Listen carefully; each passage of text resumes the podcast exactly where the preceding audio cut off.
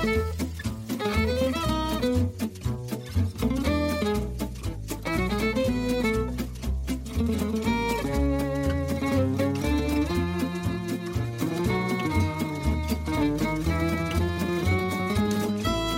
og velkommen tilbake til Musset, procycling.no sin sykkelpodkast. Er du drittlei valg, bompenger og drittslenging, ja, da har du kommet riktig, for her er det bare god stemning og sykkelsnakk.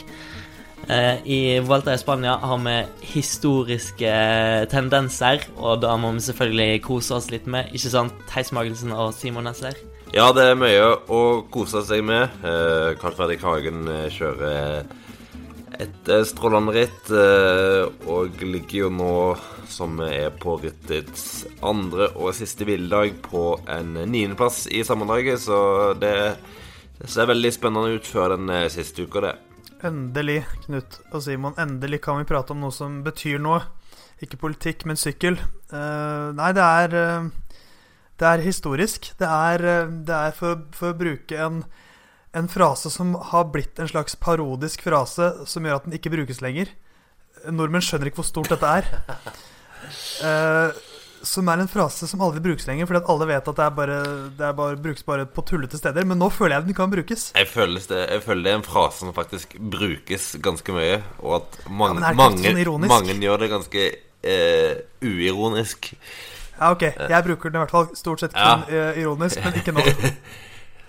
Nei, men eh, klart eh, Det ligger jo an til å bli Norges beste resultat i et tre, tre, treukersritt noensinne. Eh, Norge har riktignok ikke den stolteste sånn, eh, tradisjonen for det å få fram eh, eh, klatrere i, i verdenstoppen, men eh, det er jo ja, det er jo ganske historisk da, hvis du klarer å, å få den beste sammenlagtplasseringen. Og da må jo Carl Fredrik slå eh, Dag Erik Pedersens eh, tiendeplass fra giroen for eh, ja, Nå husker jeg ikke årstallet, men det er vel på 70-80-tallet en gang. Ja, for det Altså, det med at det Nordmenn forstår ikke Altså, det høres jo En niendeplass, liksom, det høres jo liksom sånn Ok, det er litt sånn middelhavsfarer. Men eh, han er førsteårsproff og kjemper i selskap med folk som har kjempa i toppen av Tour de France og Giro, og, og han er ikke langt unna, liksom. Og Ja, det er virkelig stort. Ja, hvor var han, hvor var han lå i sammendraget da vi hadde forrige episode, Simon? Var det sjetteplass? Da var det sjetteplass, ja. Uh... Så han har, han har falt ned tre plasser, da. Eh, og, og er fortsatt da med i kampen om uh, i hvert fall sjuendeplassen. Vi kan jo komme litt tilbake til det, det senere. Og så, ja, han er 10 minutter og 40 sekunder bak Primoz Roglic, men hvis du ser på, på enkeltprestasjonene, sånn som på den 16. etappen, da er han altså under minuttet bak Pogacar, Lopez og Roglic. De kjørte alt de hadde. Så kan man si at ok, de han kjemper mot, er ikke topp Grand Tour-ryttere. Det er Kelderman, Edé, uh, Herman Pernsteiner osv. Men å være minuttet bak den troikaen på en så hard fjelletappe, det er en så bra prestasjon som vi nordmenn ikke har sett på så utrolig lenge. Så eh, nei, det, det bør være kaldefeber i, i Norge nå. Ja, jeg tror ikke helt det er det ennå, men jeg, du ser jo det blant eh, sykkelfolk, da, at eh, det tar litt av. Eh, Det er veldig mange som syns det her er veldig stort, og det er veldig moro å se at Carl Fredrik eh, gjør det så bra. Eh, og så syns jeg jo, som du sier, du nevner den 16. etappen, hans beste klatreprestasjon til nå, tror jeg vi kan si. Og det er jo veldig gledelig at det ser ut som han bare blir bedre og bedre. Han hever seg jo fra nivået han hadde i starten, hvor han var rundt eh, 20-25 blant favorittene i, i fjellene. Nå, nå I går var han vel nummer ni, tror jeg, av, eh, av rytterne som starta stigningen i feltet. Så det ser han ser stadig bedre og bedre ut, og det, det er veldig kjekt å se med tanke på hans framtid som en eh, rytter for de store rittene her. Han, slår altså Nairo Quintana med halvannet minutt. Riktignok en dårlig utgave av Nairo Quintana, men han slår Nairo Quintana. Har det skjedd før? At en nordmann har slått nordmann Nairo Quintana på en så hard etappe? Det er helt absurd. Jeg tror, jeg tror spørsmålet svaret besvarer seg sjøl. Eh, for å sette litt i kontekst, da. Nå er det forskjellig kvalitet på startfeltet fra år til år, da. Men i fjor, hvis Kalle blir nummer ni, som han ligger an til akkurat nå, så var det altså Ion Isagirre som ble nummer ni i fjor. Året før så var det Steven Kreuzweig. Året før så var det Davide Formolo. Og så er han 20 sekunder bak sjuendeplassen. Uh, og i fjor var det Uran som ble 7. Uh, ja, så det er liksom Du er høy kvalitet hvis du kommer så høyt opp i Vueltaen. Ja, du er, er selvsagt det, selv om uh, en må jo måtte være litt sånn nyansert og si at for eksempel uh, Det her hadde nok ikke holdt til en niendeplass i Tour de France, eller at det er en del rytter som har som har stått av, eller som aldri kom til start pga. skader. Men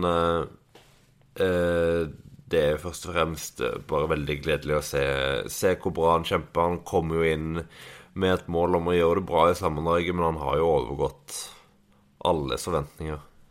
Og Det er det at han er førsteårsproff, da.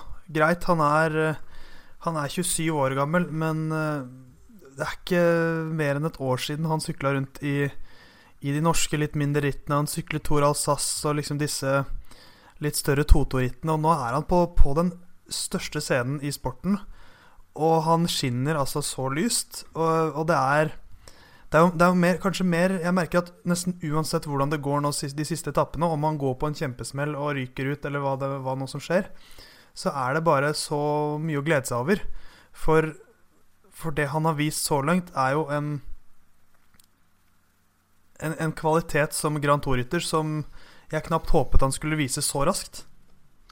Ja, jeg tror det var de absolutt færreste som trodde at han kunne henge så bra med. Altså, Vi har jo sett at han har gjort det stadig bedre i år og har levert veldig gode resultater på sitt beste. Men, eh, men de fleste så nok liksom for seg at han skulle få en litt sånn myk debut og komme seg i et brudd eller to og kanskje kjempe om en etappeseier på en eh, litt av på en litt hardere etapp, som f.eks. de som har vært nå i helga, og så enda sted sånn topp 50 i sammendraget eller noe sånt. Men eh, at han nå kjemper så bra og er jo egentlig såpass tett på de beste, eh, det er jo ja, Det er veldig, veldig, veldig, veldig spennende å se på.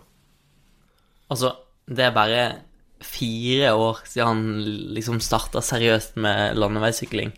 Han fikk en ganske unik sjanse i Sparebanken Sør etter å ha gjort gode ritt på terrengsykkelen og bl.a. sykla veldig fort til Tryvann. Eh, så han har bare drevet med landeveissykling aktivt siden 2015. Fire, fire, sesonger før årets sesong. Og 27 år hadde han Høyst sannsynlig så har han masse Eller masse. En del uforløst potensial og en del å gå på. Eh, så ja Han kan bli eh, enda bedre. Man, man ser jo ofte at, at disse syklistene som, som slo gjennom litt sent, da Sånn som typen Michael Woods, og det er jo ikke så unaturlig å dra parallellen til Carl Fredrik Hagen, at de kan ha en ganske sånn eh, De utvikler seg veldig raskt når de først begynner med landevei. Så jeg, jeg Det er det som som sagt gjør meg så spent også på det her, at liksom Det er vanvittig gøy det han får til nå, men hva han kan få til også. Det er det som eh, som gjør at jeg gleder meg veldig. Eh, for man har jo hørt prat, prat, han har sagt om at han ønsker å være konkurransedyktig i veldig stor ritt. Men én ting er å si det, eh, men nå viser han allerede at han er veldig konkurransedyktig på worldtour-nivå. Etter eh, ni måneder som worldtour-proff. Ja, det Som sagt, det, det overgår nok alles forventninger. Og det, det blir spennende å se hvor mye han kan utvikle seg videre. Jeg, altså, jeg tror ikke en skal forvente at han er topp fem i Tour de France om uh, to år, men, uh, men klart uh, Fortsetter han i et lignende spor, så er det jo gode muligheter for at han f.eks. kan være i hvert fall topp 15 i Tour de France om et par år. Det, det tror jeg er innenfor rekkevidde hvis, hvis han fortsetter i det sporet han er inne i nå. Jeg er Carl Fredrik Hagen, syklist på Lottesodal, og du hører nå på podkasten Musett. Fra en førsteårsproff til Nei, ja, førsteårsproff til en annen. Ta deg på Gakar. Vi spådde han faktisk på podiet. Alle, gjorde alle tre? Nei, dere to. Det var én som gjorde det. Var det ikke bare meg? Nei, jeg spiller han på tredje. Ja. Ja, jeg hadde på andre. Vi får se. Ja. Eh, to etappeseiere. Han er 21 år gammel og kjemper i toppen av uh, Welton. Hvis eh, Kalle er imponerende, uh, så er vel Pogacar ytterligere Ja, det, det viser jo at uh, verken Evnepol eller uh, eller Bernal eller noen av disse Wonderboysa De de, de har en til her de må kjempe mot. Så det er jo fascinerende. Eh, også en sånn slags uh, sånn på den etappen til Los Machucos, var det vel. Den, den herlige slovenske alliansen der mellom uh, Pogacar og, og Primoz Roglic, som eh, jobbet veldig bra sammen. Og så fikk jo Pogacar den etappeseieren. Eh, men det er, en, det er jo en, eh, en vanvittig, vanvittig, vanvittig eh, bra rytter, det der. Det, det, det skal ikke glemmes. Det er han som er det virkelige eh, Grand Tour-gjennombruddet her, da. Eh, 3.42 bak eh, Roglic, men bare ja, er det 56 sekunder nå? 54 sekunder bak, eh, bak Valverde på andreplass. Så vi har jo eh, rittets eldste og yngste rytter som kjemper om andre- og tredjeplassen nå. Ja, det er veldig spennende å se på hva Pogacar har klart eh, så langt med Det ble jo flagga at eh, Fabio Ro skulle være kaptein eh, til UAE før rittet, men vi var vel alle litt sånn tvilende til hvorvidt det var sant eller ei, med tanke på om de bare skulle prøve å spille ned forventningene til Pogacar, og det kan jo virke som det det som har vært eh, tilfellet, for han har jo vært eh, han var påskrudd fra, fra start eh, og har gjort, gjort sakene sine bra hver eneste dag. Eh, vist et toppnivå som er veldig, veldig høyt. Og eh, det hadde vært uh, utrolig stort for han om han skulle klare å, å sikre seg den siste plassen på podiet og, og kunne stå i Madrid, sannsynligvis sammen med, med Roglic og feire hans seier. Det hadde jo vært helt enormt stort for slovenske sykling. Ja, De klikka jo helt da han vel vant en Tour de France-etappe, bare. Uh, så se for deg hvordan det kommer til å bli nå, med Grand Tour-seier og eh, en, eh, et av sykkelsportens aller største talenter også på podiet, sannsynligvis. da Det er jo eh, fortsatt en eh, Miguel, eller Lopez Supermann, som ikke har gitt opp helt. Han er jo ikke mer enn 17 sekunder bak, eh, bak Pogacar. Nei da, så det kan jo kan bli spennende. Og så har jo Valverde hatt en litt tendens til å kanskje slite litt den siste uka i Grand Tours de siste årene. Eh, han har imponert veldig så langt. eh, Vært på et eh, høyere nivå enn jeg tror vi alle egentlig forventa. Nå hadde vi vel egentlig forventa at Carapaz på en måte skulle være kaptein til Movistar, men han, han krasja ut før. Men Valverde har jo virkelig strålt så langt. Og det blir spennende å se om han klarer å holde hele veien inn. Han er jo en, han er jo en evighetsmaskin. Hello, I'm Alberto Contador and listen to Muschets. Tirsdag, eh, når vi spiller denne podkasten er det altså hviledag i Vuelta i Spania, for det fortsetter onsdag. Eh, gjenstår altså fem etapper. Eh, onsdag er det en eh, ganske lang etappe, 220 km. Eh, ganske mye opp og ned, men det er vel tvilsomt at han har noe særlig å si for sammendraget. Ja, sannsynligvis en, eh, en, en mulighet for spurterne. Det er jo ingen, ingen lett dag. eh, Det er jo ingen lette spurtetapper i, i Vueltaen. Det, det er jo En, fremmede en ord. fla, men, eh, flatspurtetappe med 3000 høydemeter. Det er jo Vuelta-spurt, det. Ja, ja. Nei, så eh, Med mindre det ja, blir noe stort brudd som går, eller noe plutselig sidevind eller sånt, så er det vel det en rolig dag for, uh, for sammenlagtrytterne, og heller en dag for eh, klassiske bruddryttere og eventuelle spurtere. Eh, men det ble jo mer spennende på den 18. etappen, som jo da er en mer eller mindre blå kopi av den eh, etappen hvor Tom Dumoulin sprakk i 2015 Ja, 15. vel, tror jeg. Ja. Eh, fire stigninger, eller det er vel egentlig to stigninger som du kjører fra to forskjellige sider. Eh, alle på litt over 10 km og på rundt sånn 5-6% i snitt, så det er jo ingen superstigning, men det blir jo mange høydemetere. Eh, og så er det ja, rundt 25 km fra siste skikkelig bakke og til mål. Så det kan bli en veldig hard dag hvis du sliter, men det kan jo være at eh, de største favorittene sitter ganske samla. Jeg, tror det fort kan bli eh, jeg, jeg, tror ikke det kommer til å bli kjørt så defensivt der. Det er For det, vi er jo vant til at siste uka, eller de siste etappene, er sånn fjell på fjell på fjell, bam, bam, bam. Men her er det jo mer Det er bare to skikkelige sammenlagtetapper igjen. Det er den der, og da den 20. etappen som vi kommer til. Så eh, jeg kan se for meg at det er noen må prøve på et eller annet på nest siste stigning der, tenker jeg. Ja, det, det Jeg føler det kommer litt an på hva folk ønsker, da. Eh, Roglic er jo selvsagt fornøyd med situasjonen og vil jo bare kontrollere Valverde. Tror jeg òg er ganske fornøyd med situasjonen. Han ønsker nok heller at eh, Movistar kan eh, kjøre litt kontrollert, og så prøve å samle det til en spurt eventuelt, hvor han kan gjøre det bra. Pogacar er jo fornøyd med tredjeplassen, så det er jo Astana som må gjøre noe, da. Eh, men de sekundene som han har til Pogacar, kan han òg hente på den siste fjelletappen hvis han føler seg bra. Men eh, det som kanskje er mest spennende, er jo å se om f.eks.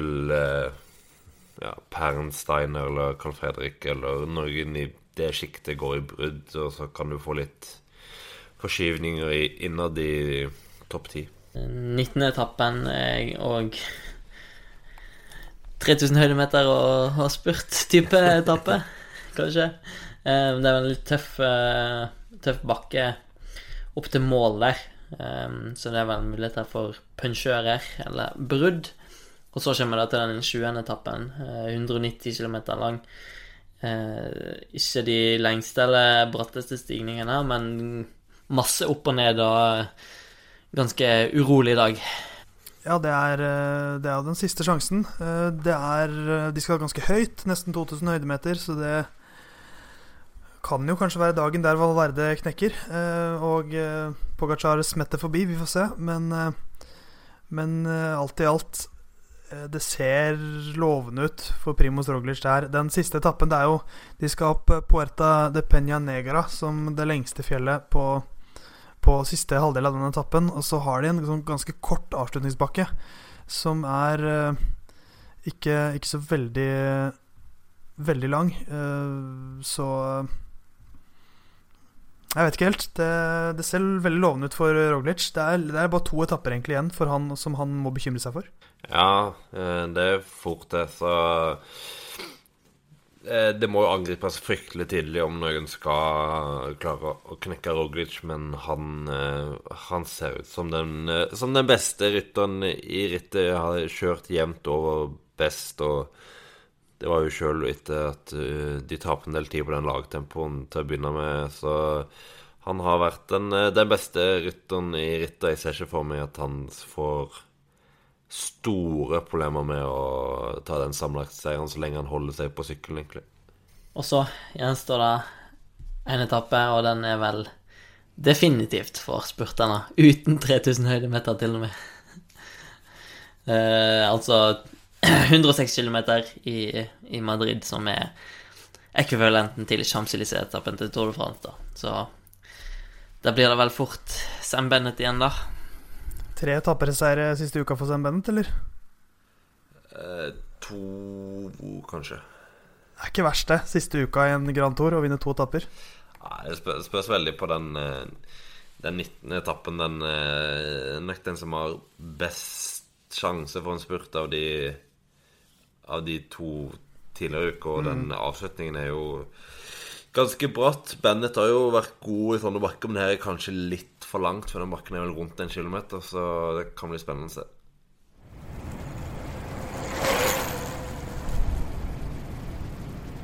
De siste UCI-rittene på årets kalender på norsk jord ble avholdt i helga. Uh, Uno X Development Weekend, tre ritt, Hafjell TT, Lillehammer GP og Gylne Gutvær, grusklassikeren. Uh, livesendt på firstcycling.com, uh, så alle kunne nyte den deilige syklinga derfra. Og Simon var jo òg til stede og, og rapporterte for procycling.no. Eh, og du kan jo kanskje gi en liten oppsummering. Jeg og Theis var litt mer opptatt, mens eh, du var mer på action, Simon. Uh, ja, jeg kan gi en liten oppsummering. Jeg har ikke fått sett alt sjøl heller, helt ærlig. Men uh, uh, Hafjell-Tete ble vunnet av eh, Mikkel Bjerg. Eh, Trippelseier til danskene. vant foran U23 europamester Preis Petersen og Rasmus Kvåde. Tobias Foss nummer fire. og det lå egentlig ganske bra foran U23-VM eh, slår Mathias Norsgaard, som sannsynligvis danskenes tre sterkeste på en tempo. Danskene stiller vel med fire ryttere i U23-tempoet, siden de er både regjerende europamester og regjerende uh, U23-verdensmester og de to forskjellige ryttere. Så det er jo danskene som fort må slås for å ta en medalje i i VM for uh, Tobias. Uh, og at han da er nummer tre av U23-rytterne i Hafjell, uh, er lovende. Tobias Foss eneste norske rytter blant topp ti. Søren Wernskjold, Torjus Lehn og Ole Forfang nummer 12, 13 og 14. Mens Jon Sævres Breivoll på en sjuendeplass. Stein Erik Eriksen hadde nok også kjørt inn ja, rundt topp ti, men han velta da i denne rundkjøringen som var vendepunktet, så han forsvant dessverre ut av rittet. Så hopper vi videre til Lillehammer Grand Prix. Eh, det er kanskje sånn høydeprofilmessig tøffeste rittet. Eh, men eh, spesielt en god bakke opp fra denne berykta Vingnesbrua, som eh, alltid er den seigeste brua i hele sykkelverden, eh, og opp eh, til mål opp med, med Håkonshall. så en ble et ganske hardt ritt etter hvert. God utskilling som ble gjort, og Markus Holgaard og Jakob Hinskaul kom seg i brudd når det var Eh, drøyt eh, to runder igjen. Eh, så veldig bra ut fordi en stund, men så fikk Hinskaul en Han kilte kjedet fast ut på den siste runden. Holgaard ble liggende alene, men økte opp til ett minutt. Men så ble han tatt igjen i den siste bakken. Det ble en spurt, og der vant Niklas Larsen fra Colquick. Vordene Uno X-rytter. Det er eh, et varp de har gjort der, altså. Eh, det, er det noe Uno X har manglet, så er det jo raske ryttere. Det har man jo pratet mye om.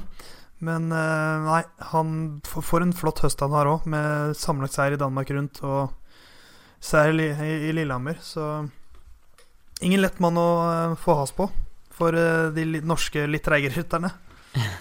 Nei, absolutt ikke. Og han viser jo at han har kvaliteter i flere typer terreng. Så Unex har mye godt å se frem til der. Men så var det gledelig å se Kristian eh, Aasvold, som var oppe og, oppe og nikka litt igjen. Eh, han hadde jo en ganske god sesong i fjor.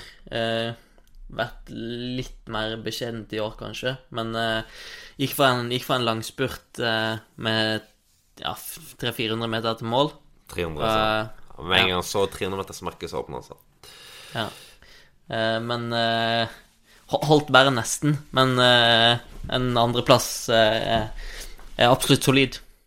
Ingen, ingen skam å, å, å, tape en spurt mot, mot Niklas Larsen. Det er liksom en fyr som har EM-gull på banen og VM-medaljer og OL-medalje, og han er bare 22 år gammel. Så det er et, nok et helt tullete talent danskene har der. For øvrig en del eh, norske kontinentalryttere òg. Eh, topp ti. Øyvind Lukkedal eh, nummer syv for Joker. Bjørn Tore Hoem nummer åtte. Og på åttendeplass, delt åttendeplass, altså, så fikk vi òg Anders Skårseth. Sjelden du ser en delt åttendeplass. Eh, Unox sin eh, beste rytter. Vi hadde òg Ådne Ile, Magnus Brynsrud, Holgård eh, og Tobias Foss i den eh, første og mål. Så bra kjørt av en del klubbryttere der òg. Skal vi uh, gå videre til kampen om bøtta? Ja, kampen om bøtta. Uh, altså en grusbøtte som uh, vinneren av Gylne gutter får. Det er vel òg jeg tror òg på andre- og tredjeplassen var en liten bøtte, men den er litt mindre, tror jeg. Mindre bøtte? Ja, så den største bøtta, den gikk til UnoX. De hadde jo De kjørte et bra ritt i Lillehammer, eh, men eh, ja, hadde ikke helt marginene på sin side der. Eh, de kjørte nok en gang veldig bra i Gylne gutter. Stilte med et eh, helt eh, nytt mannskap. Seks ryttere med, med, friske bein. Og av de så var det Erik Norsæter selv og Kristoffer Skjerping som var de beste i finalen. Eh, støtta litt annenhver gang, og på slutten så kom Skjerping seg av gårde sammen med Morten Hulgaard fra Color Og i spurten så var Skjerping eh, rutinert, venta ut uh, Hulgaard og gikk forbi og vant egentlig spurten ganske greit, uh, selv om han var skåltom. Uh, så en stor seier for Kristoffer Skjerping, det. Og deilig at uh, det endelig da er et Uno X Development Weekend-ritt som ikke ender med dansk seier. Eh, ja, det, det, har vel vært fire danske seire og seier til Jasper Philipsen i Gylne gutter i fjor, så på sjette forsøk så ble det endelig eh, norsk seier i, i, i disse rittene. Eh, og eh, ja, Gylne gutter er jo et skikkelig kult ritt. Masse gruspartier og og stå hei. Eh, og en seier til Kristoffer Skjerping, som har tatt nå to seier i år. Eh, UCI-seire. Vunnet Ringerike Grand Prix og Gylne gutter. Eh, så han har en bra sesong sånn sett. Og det er vel første gang på mange år han har vunnet to ritt i løpet av en sesong. Eh, men ble litt eh, overdøva av seg eh, sjøl, den seieren der, eh, av Kristoffer Skjerping. For han ja, I forkant så hadde jo vi gravd litt hos han, og for vi hadde hørt det jeg hadde informasjon om at han skulle bort fra UnoX. Eh, Simon prøvde å grave litt i forkant, eh, fikk ikke noe svar. Eh, og så vinn... Eller jo, ja. Jeg, jeg, jeg fikk svar om jeg skulle ta det på mandag. ja, Og at han skulle kjøre på sinne ja. i Gylne gutter. og så vinner han, kommer i mål, og så leverer han et av tidenes mest bisarre intervjuer med, på firstcycling.com sin uh, livestream. Ja, det var uh, Det var et litt spesielt skue. Det var, det var mye følelser for uh, For Kristoffer. Han sa jo det jeg snakket med i går, at han forsvant jo ganske lenge. Han tok lang tid før han kom tilbake til bussen. Da hadde han jo yes, Etter at han hadde blitt gratulert av lagkameraten, så hadde han jo stukket skogs for å grine, sier han. Så det var, det var mye følelser. Eh, han har vært veldig skuffa etter at han for uh, halvannen uke siden omtrent eh, fikk beskjed om at han eh, ikke fikk være med videre. Eh, fikk altså ikke forlenga kontrakten sin med, med UnoX. Eh, og eh, ja Det Jeg forstår jo at han er veldig skuffa over det. Ja, det er, det er altså, Da han vant Ringerike Grand Prix, så var vel det hans første seier i et sykkelritt siden han vant en etappe i Tour de l'Avenir i 2014. Mm. Uh, så det er altså fem år uh, han har gått og venta på den neste seieren. Og så kommer det to veldig store seire på hjemmebane i år. Uh, så har hatt en av sine beste sesonger på veldig lenge. litt den utviklingen karrieren hans har hatt, hvor han gikk til til Cannondale. Eh, to sesonger der hvor han ikke virket, virket som om han trivdes eh, veldig. Eh, ble litt sånn kasteball i et stort Wartour-lag. Gikk tilbake til Joker. Dyrket tempoegenskapene litt, ble en bra temporytter. Og så har han blomstret litt mer i år. Første sesongen hans i Uno X, som også da ser ut til å bli hans siste. Så for meg, i hvert fall, som ikke er undercover i Uno X og vet alt som skjer bak scenen der, så så ikke jeg den her komme for en uke siden. At, eh, at eh, selv før han vant Gylne gutter, at Kristoffer Skjerping ikke skulle være en del av eh, pro conti-satsingen, det overrasker meg. Han er jo Ja, han er vel deres mest erfarne rytter, ganske, ganske klart. Det virker som en naturlig type å ha med videre i, for å hjelpe unge ryttere opp og være en slags ja, en leder, da, uten nødvendigvis at han er kaptein i ritt og sånt, men være en foregangsfigur, da. Eh, og han gikk jo fra Joker til UnoX før sesongen for å få litt nye impulser og kanskje ja, gjenopplive karrieren sin litt. Eh, og har jo på sett og vis klart det. Eh, og det virker jo på mange måter som han kom veldig, veldig heim her i UnoX, da. og har skrytt veldig masse av hvordan opplegget UnoX var, hvor profesjonelt det var. og og virker som han har trivdes veldig godt, da. Og det er åpenbart at det har vært et ekstremt stort slag i trynet for han å få den beskjeden. Uh, ja, Simon kan jo straks fortelle litt om bakgrunnen for hvordan han føler det. Men uh, jeg må, må, si jeg er ekstremt imponert over at han klarer å vinne Gylne gutter da, med alt det her i bakhodet. Det viser jo en ekstremt sterk karakter. Ja, det, han har nok kjørt litt på, på sinnet, som han sa. Altså det, det, har, det, har, vært mye følelser, og det, han har klart å få brukt de riktig, da. Eh, det er jo alltid Det er alltid viktig, det, å kunne få brukt eh, Få brukt sånne ting til noe positivt på sykkelsettet når når det er mye som skjer. Men uh, ja, uh, Skjerping sjøl sier jo at han har fått beskjed om at han er lite motivert og trener for lite. UnoX som lag vil jo ikke kommentere på kan si, detaljer på enkeltsaker, så vi, vi, får jo ikke helt vite akkurat de sider. Eh, det kan godt være at bildet er mer nyansert enn det Skjerping fremlegger. Det, det, er veldig vanskelig å si, men eh, eh, Det er klart, jeg, jeg, tror de Det var jo ingen Veldig, veldig få så denne her eh, komme. Jeg har jo sett det på litt av sånn kommentarene som har kommet eh, på sakene vi har lagt ut, at eh, det, det, er veldig overraskende på folk. Eh, eh så det er nok et lite sjokk.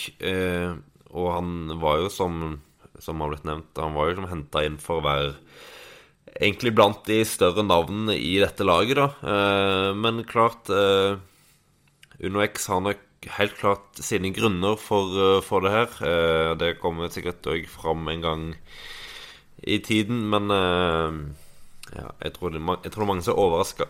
Jeg er Carl Fredrik Hagen, syklist på Lotto Sodal, og du hører nå på podkasten Musett. Vi går inn i finalen av uh, vår uh, podkast denne uka. Uh, siste uka av dagens episode. Ja, den, den fryktelig siste uka. vi innleder som vanlig med den norske sykkeluka. Eh, Alexander Kristoff i aksjon i Belgia og Frankrike på henholdsvis lørdag og søndag. Theis Magelsen. Det er mitt navn. Eh, to spurteritt eh, som endte dritt for Kristoff. Eh, først Brussels, hvor han eh, Det ble knørr i opptrekket. Eh, Jasper Philipsen var plutselig med og spurte om seieren. Kristoff var bak de beste, for det var seks mann. Et av de kuleste uh, sykkelbildene jeg har sett, egentlig. Hvor det er seks mann som kaster forhjulet sitt over målstreken nesten samtidig. Og så er Kristoff liksom syvende mann, som ikke får plass. Uh, Caleb Ewan som vant foran Ackermann og Philipsen, da, men Kristoff ble nummer sju. Og så ble de enige om at uh, vi bytter roller. Kristoff skulle trekke opp Philipsen i GP de Formier, som gikk dagen etter i Frankrike. Uh, det gikk heller ikke så bra. Kristoff uh, satt og De fant ikke hverandre, og det ble bare tull. Men Philipsen klarte å bli, bli andremann, da. Men Pascal Ackermann, han vant det rittet. Så litt sånn Ja, ikke helt klaff. Men han er i hvert fall med i finalen, og det er litt vanskelig å si, si veldig mye om formen hans ut fra det vi så, syns jeg. Ja, jeg tror ikke de rittene er det viktigste for, eh, for Kristoff. Men uh, klart, han viste bedre form i Tyskland, så uh, En hadde jo håpt på bedre, men jeg tror nok han har kontroll på, på formen. Han, han, så veldig bra ut i Tyskland, så sikkert inni en, i en periode hvor han fremdeles ikke har begynt å slippes veldig mye opp før, før VM, da. Så kommer forhåpentligvis bedre. Og apropos GP for Formies, folk må bare gå inn på Twitter og søke opp velten til Nasser Bohani i den spurten. det er en ganske finurlig sak. Helt sjukt at ikke flere ryttere gikk i bakken der. Det var vel var det to eller tre mann som gikk i bakken, hvor han, han var i en bare, liten duell. Jeg tror det var bare én til som gikk. Ja. Og så han, han, lener seg veldig mot en rytter, og så plutselig skjærer han ut mot venstre, hvor det bare ja. Nei, det er en veldig rar velt. For han mister balansen eller noe sånt mot Jasper Philipsen, og så retter han opp igjen. Men jeg tror han kanskje mister litt kontakten med bakken med hjulet sitt, eller noe sånt. Så når han får kontakt igjen og friksjon, så bare skjærer han ut til venstre. Men, men Bare å søke opp. Ja. Uh, vi går videre til Tour of Britain, uh, hvor vi har Trond Håkon Tronsen, Amund Grønn Alliansen og Sindre Lunke. Sindre Lunke i aksjon. Eh, Tronsen bra med på første etappe, blir nummer sju der, men eh, rett bak eh, lagkamerat eh, Boris Valais. Eh, Typisk vant i spurt. Blir det tre mann topp 15. Spurte side om side. Eh, Viktig, viktig å lede lagkonkurransen til første dag, vet du. Ja, det er viktig. Eh, skal, vel først og fremst gjøre en uh, hjelperytterjobb der. Skulle egentlig ha på første etappen, men han mente vel at uh, Valais kanskje var, ikke var helt trygg på han, så da ble det to stykker som spurte mot hverandre. Eh, mens Amund Grønn Alliansen har jo vært med på å bidra til to etappeseier nå. Til Dylan Ronevegen. Ja, eh, Grønneveggen, for å si det på et litt mer eh, norsk vis, vant den første etappen eh, ganske greit. Eh, eh, så hang han ikke med på den andre etappen. Der var Amund med. Eh, gjorde en jobb for Tøynesen på slutten, som ble nummer tre. Og så, eh, på den tredje etappen, så vant Grønneveggen igjen eh, i en ganske god motbakkespurt inne i Newcastle, var det vel. Eh, der- der fikk du en skikkelig vant i spurt. Tøynesen, Amund og Grønneveggen på et punkt rundt 150-200 meter fra mål, side om side i front. Eh, og eh, Grønneveggen vant jo da altså, og Toynesen nummer fire Nei, Toynesen Jo, fire og Amund nummer seks. Så der, der har du nok eh, noe å lære av vant i Gobert. Eh, det skal bli spennende å se hvordan han kan gjøre det videre. Eh, nå i dag, tirsdag, så er det jo kongetappen i Torf Britain, så det er mulig for Amund med et godt eh, samlet resultat hvis han eh, spiller kortene sine rett. Så må vi gi en liten chapeau til eh, Hvite Heine, som har en strålende sesong. I helga tok hun sin sjette UCI-seier i Krono Champo- Champenois eh, i Frankrike. Temporitt på 34 km, eh, hvor i motsetning til i EM hadde marginer på sin side. Eh, vant rittet fire sekunder foran eh, nummer to, som var Mike Kroger fra Virtus Cycling. Eh, nå vet vi ikke helt hvordan vindforholdene og sånt var, men sammenlignet med i fjor, så forbedra hun tida si med over to minutter. Eh, Hun ble nummer seks i fjor, så uh, hun viser bra form nå foran VM og er vel i Sierra Nevada nå for å lade opp til, til mesterskapet. Så kan vi gi en liten ekstra shout-out til eh, Amalie Luther og Silje Mathisen, som vant eh, en etappe hver i eh, det irske rittet Rashnam Ban.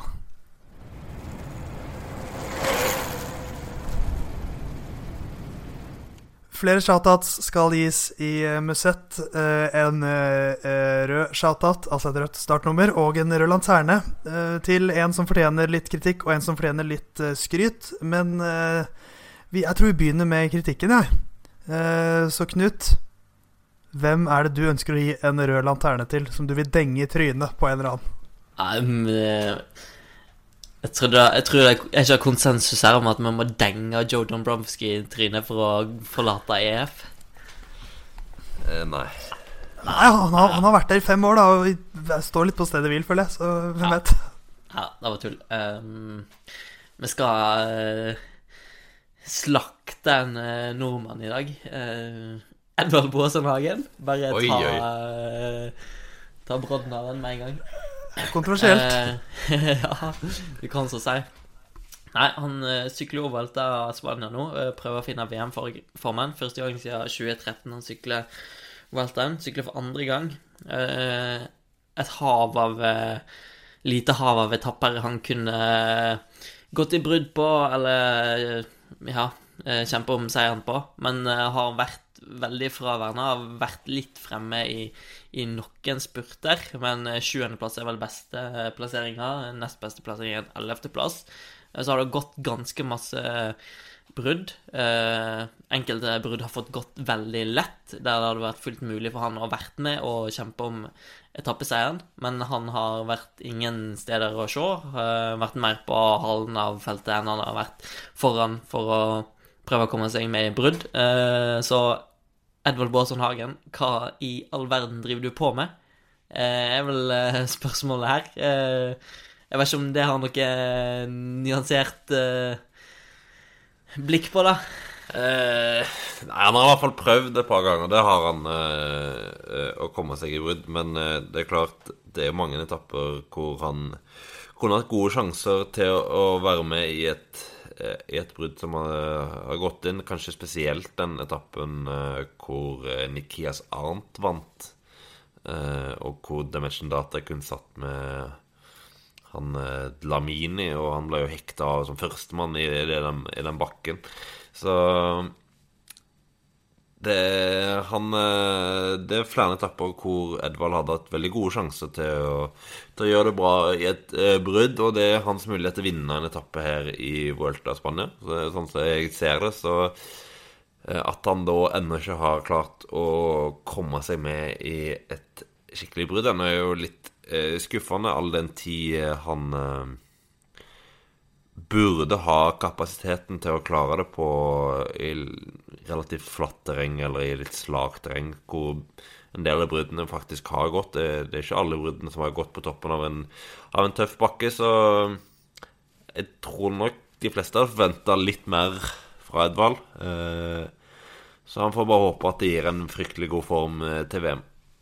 Men, ja, altså Det kan jo være at han er et eh, geni her og bare kjører seg sakte, men sikkert inn i en helt sinnssyk form. Men eh, det er litt skuffende at han ikke har levert mer enn han har. Det tror jeg vi alle kan eh, være enige om. Så opp i ringa, Edvald. Eh, Simon, du skal gi litt eh, skryt, et rødt startnummer, til en eh, fyr som ikke har et helt ulikt navn. Ja, samme etternavn. Og det er et veldig populært etternavn i norsk sykkelsport. Hagen spesial, det her. Ja, så nå kan dere uh, lure på om det er Carl Fredrik Hagen. Nei, det er det ikke. Det er Christer Hagen eh, vi snakker om. Eh, som altså legger opp. Eh, Sykla etter planen sitt siste ritt i Gylne gutter på søndag.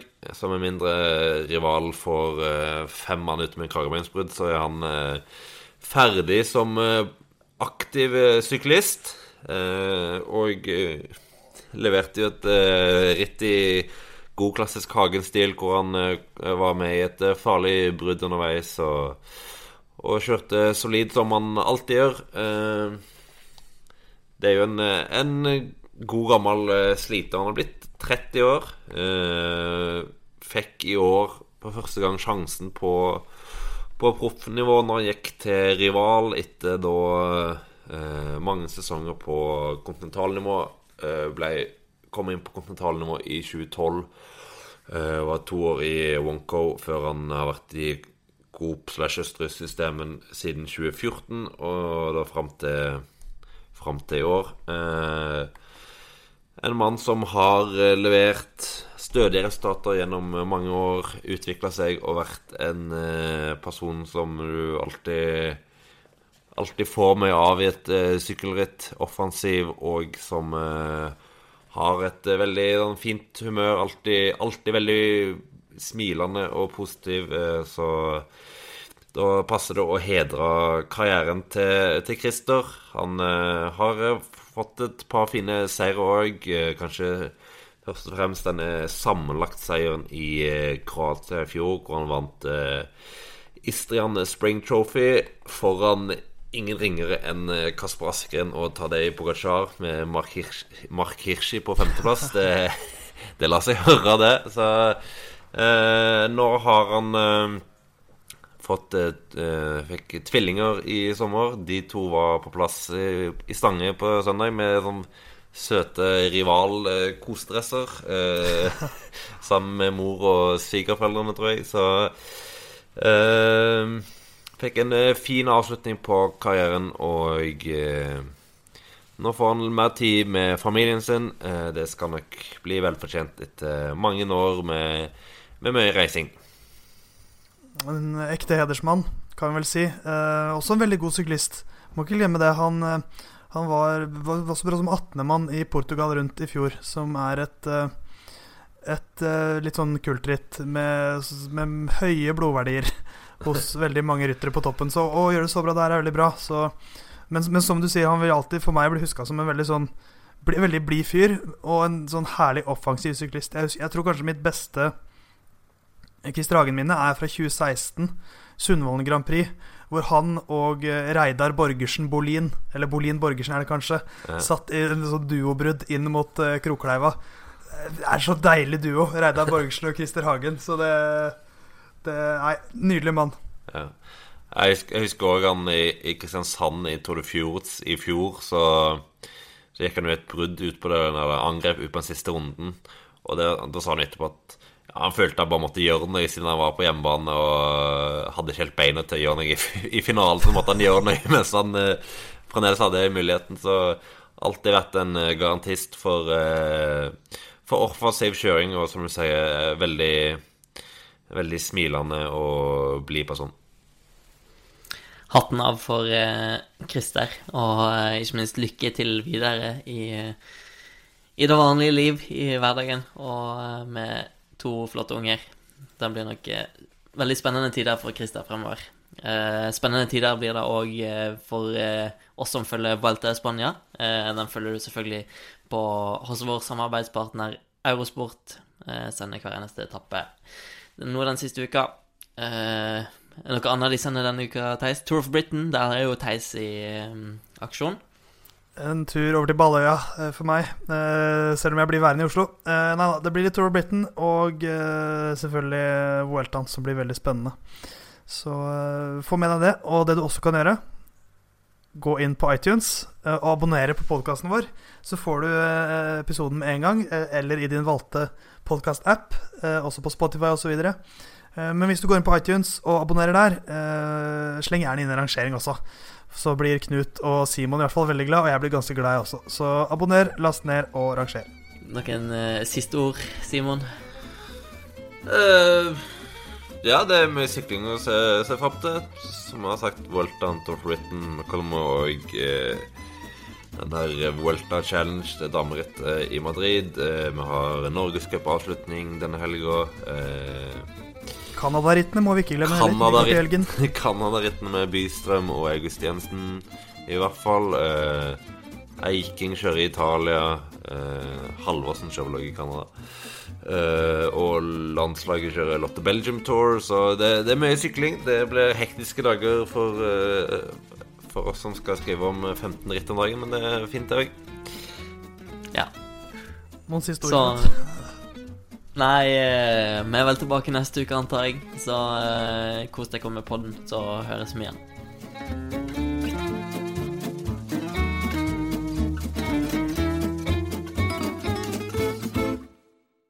Burde man slutte med, eh, med en ungdomstrøye? Eller ha en gamlistrøye? Med de talentene som er på vei opp nå, så er det liksom mer sånn Jeg føler det har mer for seg at det er sånn beste rytter over 35 som, som blir en ny Valverde-trøye. Det er jo ikke spennende, da. Enn så lenge. Nei, det er kanskje hva, Men hva er mest spennende? Hvis det er på en måte en ungdomstrøye som den som vinner rittet sammenlagt vinner, eller en gamlistrøye som en eller annen fyr over 35 vinner. Hva verre, kan jo ikke sykle alle rittene. Nei, Problemet er veldig fort at du har ritt hvor det er svært begrenset med folk over 35 som stiller, og hvor det gjerne er rene hjelperyttere. Hvem er den nest beste rytteren over 35 i sammendraget? Gilbert, kanskje? Eller Navarro? Nieve. Nieve, kanskje. Ja, det, Ja. Han er 17. på han.